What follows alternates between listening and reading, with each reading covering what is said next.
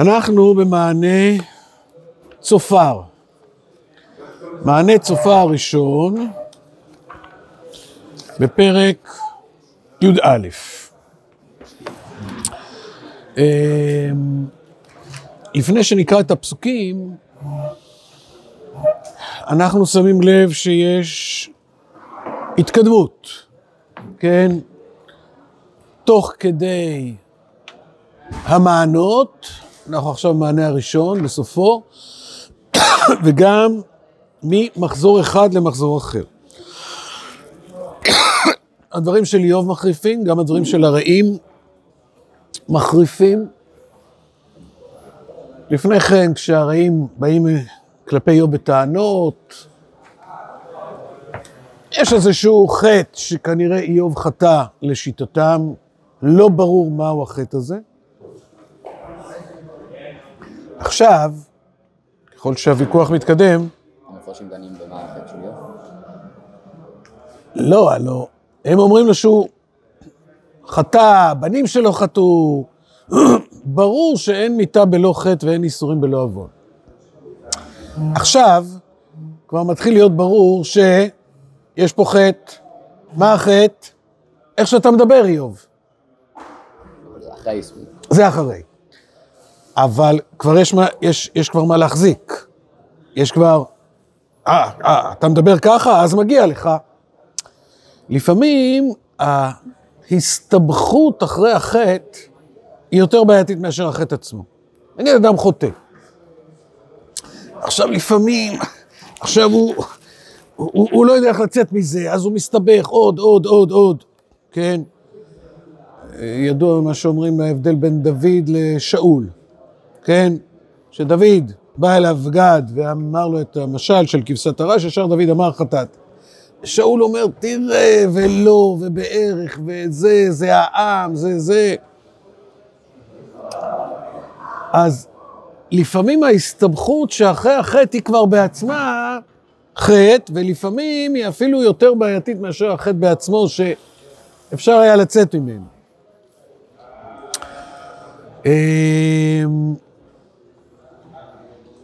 שוב, לפני שאני אכנס, אני רוצה להתייחס לדבר נוסף. בחלק מהדיונים, אנחנו בפרק י"א, נראה שהם אומרים לו, אתה חטאת, והם אומרים, אני לא חטאתי. אז, אז מה ההבדל? מה ההבדל בין מה שאמר אליפז לבין מה שאמר בלדד, ומה ההבדל בין מה ששניהם אמרו למה שיאמר צופר עכשיו, ומה ההבדל בין המחזור הראשון למחזור השני? אני רוצה שנתייחס לזה, כי אחרת זה כאילו הוא מתחיל לחזור על עצמו. לא, זה לא חוזר על עצמו, כל פרק הוא יחידה, כל דבר יש לו משהו מיוחד, ואני רוצה להדגיש את זה כדי שזה לא יהיה, נו, בסדר. יש בפרק הזה תוכחה לאיוב, כמו שהיה לפני כן. הפרק הזה מסיים בעצה לאיוב לשוב לפני השם ואז ייטב לו, כמו שגם היה לפני כן. מה יש פה באמצע? יש פה עיסוק בחוכמתו של האל, והפסוק המרכזי שאני רוצה שנתייחס אליו הוא ויגד לך תעלומות חוכמה, כי כפליים לתושייה, ודע כי ישה לך אלוה מעווניך. העניין הזה של תעלומות חוכמה זה קוד לפרק הזה, ובו הוא מתייחד ממה שהיה לפניו וממה שיהיה אחריו. מה זה תעלומות חוכמה? קודם כל, תעלומות חוכמה זה הבסיס שעליו צופר מתבסס. על מה התבסס אליפז, אתם זוכרים? על החזון. על החזון. משפט זה כבר בלדד. על החזון. בחלום חזיון לילה בנפול תרדמה על אנשים, דיברנו על זה בערך. על מה התבסס בלדד? על הדורות הראשונים. כן? על מה מתבסס צופר? על תעלומות החוכמה. מה זה תעלומות החוכמה? זה יכול להיות שהוא איש כזה של מסתורין, שהוא בעצמו מתעסק עם כל מיני עניינים. אנחנו מכירים גם היום כל מיני אנשים כאלה, יש כאלה שבאים בית המדרש, יש כאלה שבאים מההלכה, יש כאלה שבאים מכל מיני תעלומות חוכמה, בלי עכשיו לדון, כן, לא. זה הבסיס. הוא יכול להיות גם איש מאוד תמים, שאולי הוא פחות מבין בזה, אבל יש תעלומות חוכמה. בסדר? וזה בעצם מה שהוא ירצה לומר במסר הייחודי שלו, כן? ויגד לך תעלומות חוכמה ככפליים לתושייה, עוד מעט נסביר את הפרק, את הפסוק הזה, אבל בואו, בתור ההקדמה שאנחנו עדיין, הקדמה שקצת מתארכת, אנחנו מחלקים את המענה של צופר לשלושה חלקים. החלק הראשון זה תוכחה לאיוב על דבריו. אנחנו נראה שהתוכחה הזאת מאוד קשה, כן? הדברים יותר קשים מאשר של בלדד, בטח יותר קשים מאשר של אליפז. החלק האחרון הוא עצה לאיוב לשוב לפני השם ואז ייטב לו. באמצע יש את העיסוק בתעלומות החוכמה, את אין חקר לתבונתו של האלוה. זה הלב של הפרק הזה. בסדר? אז עכשיו בואו נראה. ויען צופר הנעמתי ויאמר, הרוב דברים לא יענה, ואם איש שפתיים יצדק, בדך מתים יחרישו ותלעג ואין מחלים. ותאמר זך לקחי, ובר הייתי בעיניך. ואולם מי ייתן אלוה אדבר ויפתח שפתיו עמך, ויגן לך תעלומות חוכמה, כי כפליים נטושייה ודע, כי ישה לך אלוה מעוונך. זאת אומרת, קודם כל, הרוב דברים לא יענה ואם איש שפתיים יצדק. מה זה איש שפתיים? פטפטן. זאת אומרת, אתה... אתה מדבר הרבה, ואתה כנראה יודע אולי גם לדבר בצורה יפה, אבל מה, הרוב דברים לא יענה, מה אתה חושב שבגלל שאתה מדבר כל כך הרבה, אז, כן, כל כסיל אה, ברוב דברים, או ברוב דברים לא יחדל פשע, אתה חושב שבגלל שאתה איש שפתיים, שאתה פטפטן, אז אתה משכנע אותנו? בדיך, מה זה סיפורי בדים? שקרים, כן? בדיך, זאת אומרת, השקרים שלך מתים יחרישו. מה זה מתים? מתים זה אנשים, כמו כל עיר מתים, שמשה מדבר על זה בספר דברים. ותלעג ואין מחלים. זאת אומרת, הדברים שלך נשמעים מרשימים, אז האנשים מחרישים, והם לא אומרים, וואי, איך הוא מדבר? לפעמים מישהו יודע לדבר כך יפה, שאנשים אה, לא רוצים לענות לו, כי זה נשמע מאוד משכנע.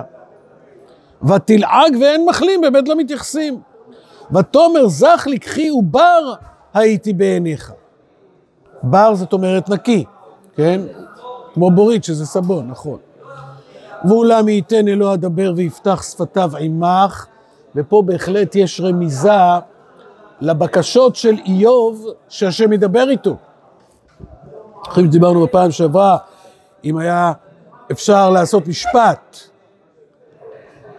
בא צופר ואומר, כן, הלוואי, מי ייתן אלוה אדבר ויפתח שפתיו עמך, אבל אז כשהוא ידבר, זה לא, יהיה, לא תהיה הוכחה לטובתך, אלא זה יראה את אפסותך.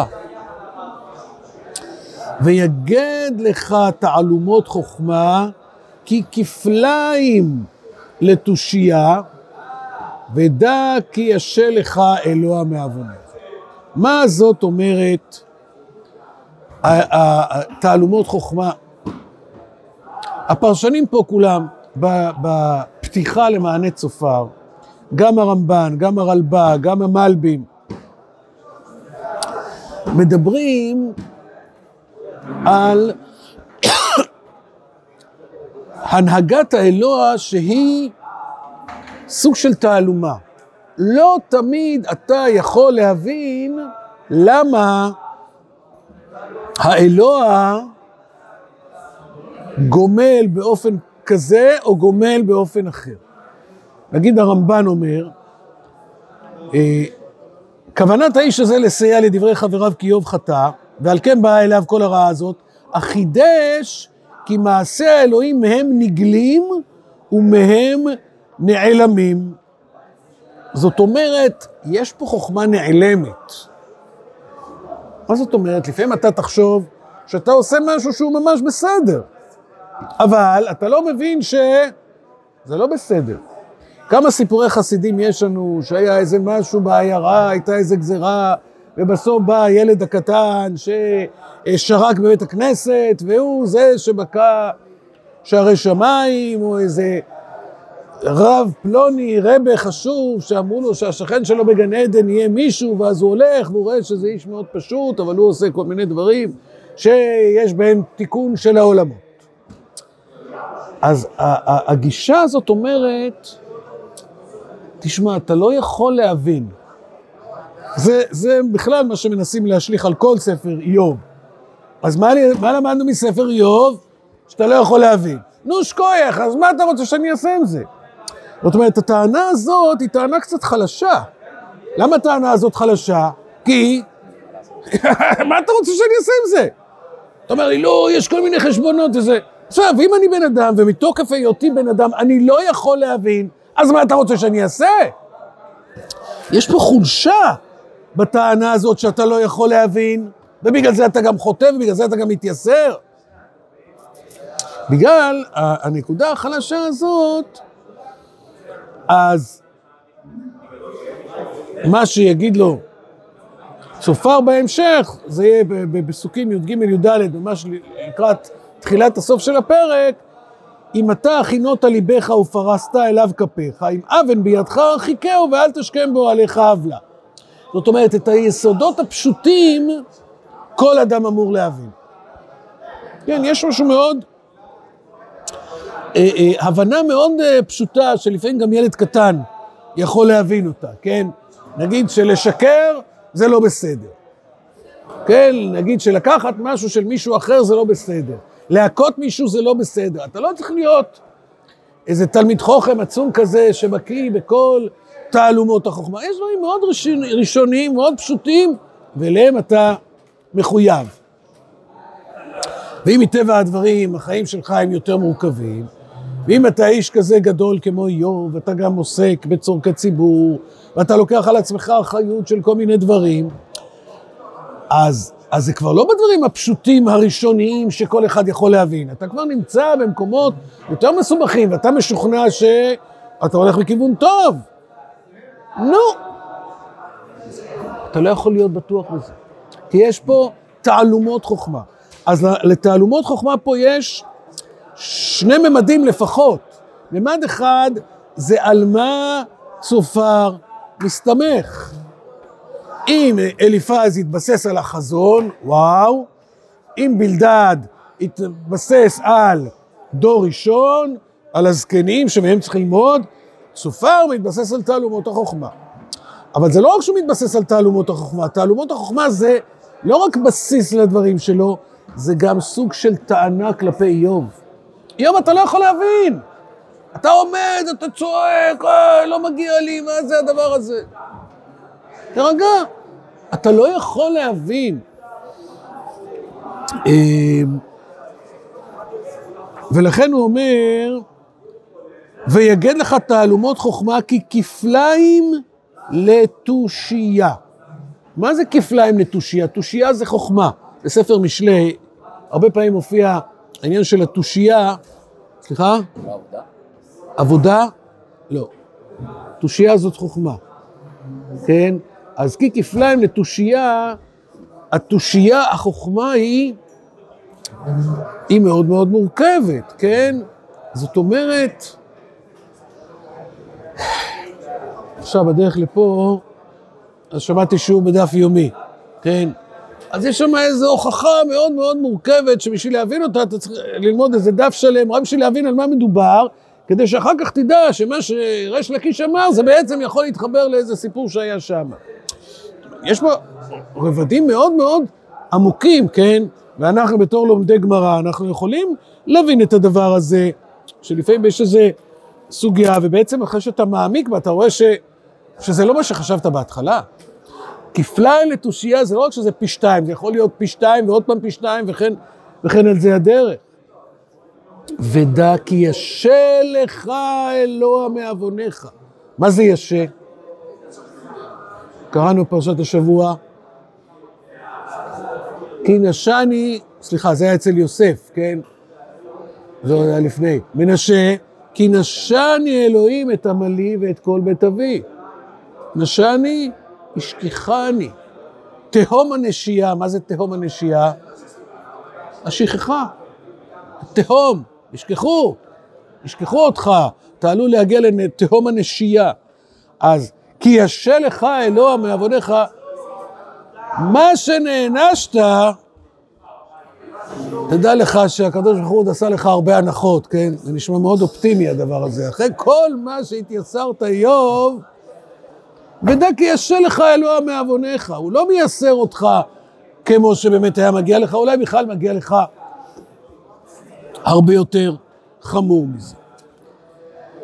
אז ראינו פה, הרוב דברים לא יענה, איש שפתיים יצדק, בדיך מתים יחרישו ותלעג ואין מחלים, ותאמר זך לקחי ובה ראיתי בעיניך, ואולם ייתן אלוה אדבר ויפתח שפתיו עמך, ויגד לך תועל ומאוד חוכמה ככפליים לתושייה, ודע כי ישה לך אלוה מעווניך.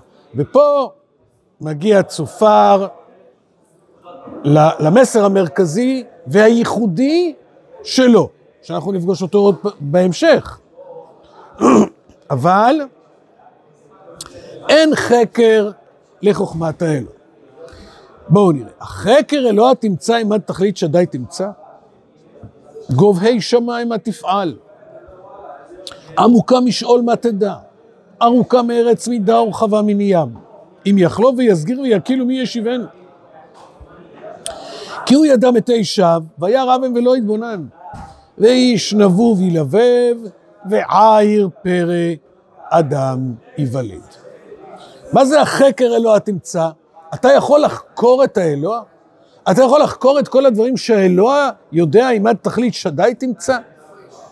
אנחנו יודעים, כמו הדוגמאות שנתנו לפני רגע, לפעמים אדם עושה איזשהו דבר, ומישהו מסתכל מהצד והוא לא מבין בכלל, אבל אחרי שהוא שואל, אחרי שהוא מברר, ואם יש לו באמת את היכולת להבין, הוא אומר, וואו, אני רואה איזה תכלית גדולה עשית כאן.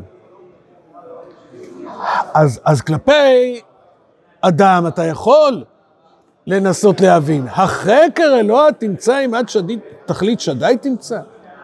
ופה הוא מביא גבי שמיים תפעל, עמוקה משאול, מלמעלה, מלמטה, ארוכה מארץ מידה, רחבה מני ים, למעלה, למטה, צפון, דרום, מזרח, מערב. סליחה? נכון, נכון, אה, אבל כאן זה בא במשמעות שהאדם, שם זה היה, האנוש מאלוה יצדק, אם מעושה הוא יתהר גבר, במשמעות של הצדק. כאן הוא מדבר על חקר אלוה, על המציאות שאדם לא מסוגל להבין. לא רק משמעות של הצדק, אלא בכלל, ארוכה מארץ מידה ורחבה מני ים. זה פסוק שמחבבים ב, בישיבות להגיד, ים התלמוד, כן, התורה היא ארוכה מארץ מידה ורחבה מני ים. מעניין שצופר לוקח את הטענות של איוב בעצמו ומשתמש בהן נגדו. מבינים את הרעיון? זאת אומרת, איוב בפרק ט', הוא גם עסק בעניין הזה שאי אפשר להתמודד עם חוכמת האלוה, אבל כשהוא אמר בפרק ט', חכם לבב ואמיץ כוח, מי יקשה אליו הישלם, וצופר אומר כאן, החקר אלוה תמצא, אם עד תכלית שדי תמצא.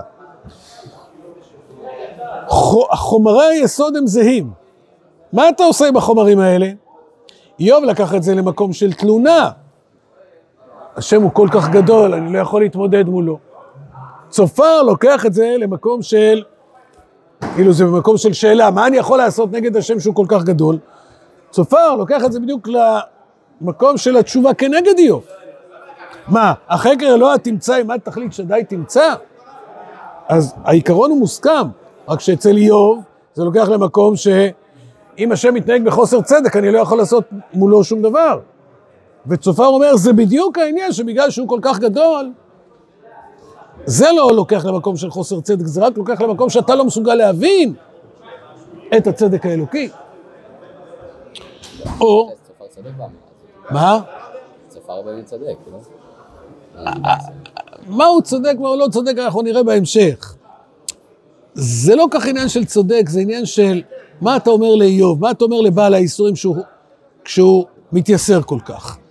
ובעניין הזה זה לא רק להגיד דברים צודקים, כי כמו שראינו, במיוחד לגבי ההשקפה של אליפז, שהיא קרובה להשקפת רבות, אה, חז"ל, אין מיתה בלא חטא ואין איסורים בלא עוון, אבל לבוא אליו ולהגיד לו, בגלל זה אתה חוטא, רגע, זה לא.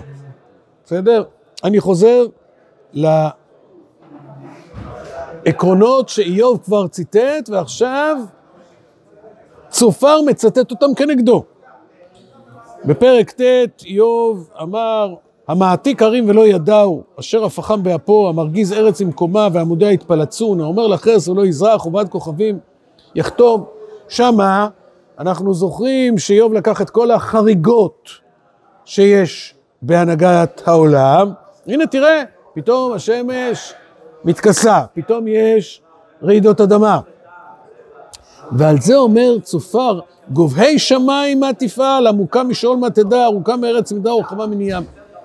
גם החריגות האלה. הם חלק מהמכלול. יש סדר בבלגן. אני אקח כדוגמה פיזיקלית שעולה לי עכשיו לראש, גופים מתרחבים בחום ומתכווצים בקור, נכון? חוץ מאשר המים, האנומליה של המים. המים קצת מתכווצים, מגיעים לארבע מעלות, מתרחבים, נקרא האנומליה של המים, בגלל זה קרח צף, הקרחונים צפים.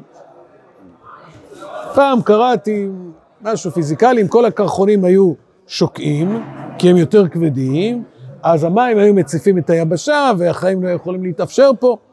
אז הנה אנחנו לוקחים פה דוגמה, אני מקווה שהיא נכונה מבחינה פיזיקלית, שהיא אנומלית, היא לא נורמלית, היא חריגה, כמו הדברים שתיאר איוב. רגע, רגע, רגע, האנומליה הזאת, יש לה גם כן תפקיד. יש סדר בבלגן, הכאוס ממש מסודר. בסדר? זו הטענה שצופר אומר כלפי איוב. דוגמה שלישית, שצופר לוקח דברים של איוב ומשתמש בהם כנגדו. וזה חוסר האפשרות לבקר את מעשה האלוה. איוב אמר בפרק ט', הן יחטוף, מי ישיבנו? מי יאמר עליו מה תעשה? מה אומר צופר? אם יחלוף ויסגיר ויקילו, מי ישיבנו? אתה באמת לא יכול להשיב על דבריו. רק שאיוב אמר את זה בתור טענה, יש פה חוסר צדק, ואני אפילו לא יכול להתלונן כלפיו. וצופר אומר, ככה ראוי. ראוי שאתה לא תתלונן כי... כי יש סדר, כי יש משפט, כי יש דין, כי יש דיין. זה שאתה לא יכול להתלונן, זה לא אומר שזה משהו בעייתי. זה אומר שיש פה את ריבון העולם, שהוא מנהג עולמו בחסד ובריאותיו ברחמים, וככה ראוי. והדבר הרביעי והאחרון לצורך העניין שלנו, ששוב צופר לוקח את הדברים של איוב ומשתמש בהם נגדו, זה הבקשה שהבורא ייתן את סיבת האיסורים. זה מה שאמר איוב, הודיעני על מה? תריבני. זוכרים שדיברנו על אה, פרנץ קפקא בשיעור שעבר, כן? שאתה בא מול איזה מערכת, לא אומר לך בכלל מה חטאת. חמור, חמור, חמור. מישהו מוכן להגיד לי מה הבעיה? לא, אבל זה היה כל כך חמור. אה. מה? ומה אומר צופר? ואולם מי ייתן אלוה דבר ויפתח שפתיו עמך. הלוואי שהשם היה מדבר איתך, ואז, ואז היית רואה ש... שהכל בסדר. זו דוגמה לעובדות. אנחנו מכירים את זה מהעולם שלנו בוויכוחים הפוליטיים שיש היום. יש איזושהי עובדה, הוא אומר, אתה רואה, אתה רואה? זה מוכיח מה שאני אומר. אמר לו, לא, זה, זה בדיוק מוכיח מה שאני רואה, כן? זאת אומרת, יש פה איזה שהם חומרי גלם, שזה העובדות. איך אתה משתמש בהם.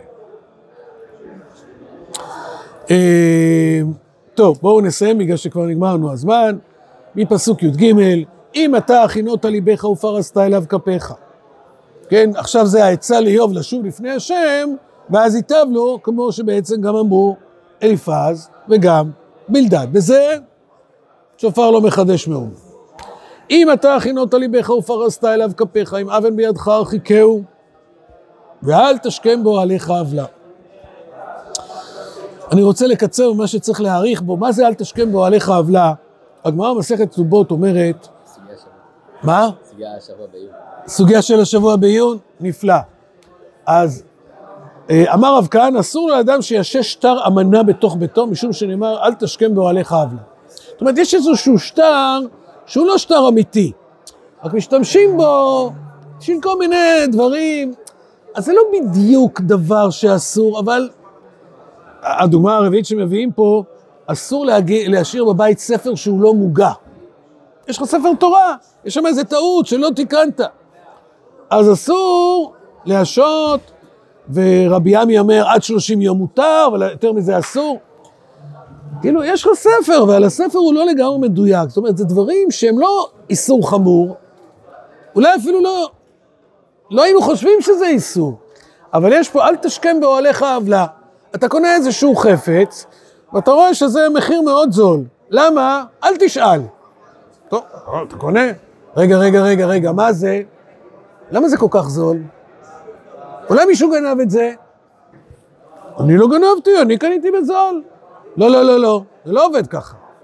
אל תשכם באוהליך עוולה. זאת אומרת, יש פה איזושהי דרישה מאיוב, לא רק על פי שורת הדין, אלא מכל נדנוד עבירה.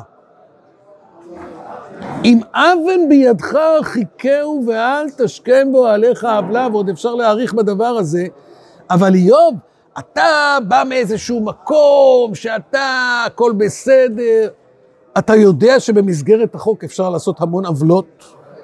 אנחנו מכירים את זה. אז אם אבן בידך הרחיקהו, אל תשכם בו עליך עוולה, יש פה טענה קשה כלפיך.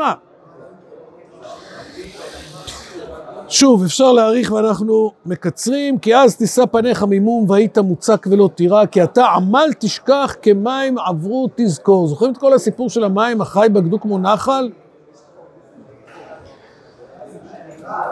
אז הוא אומר לו, כי אתה עמל תשכח, תוכל לשכוח את כל האיסורים אם אתה תתקן את מעשיך.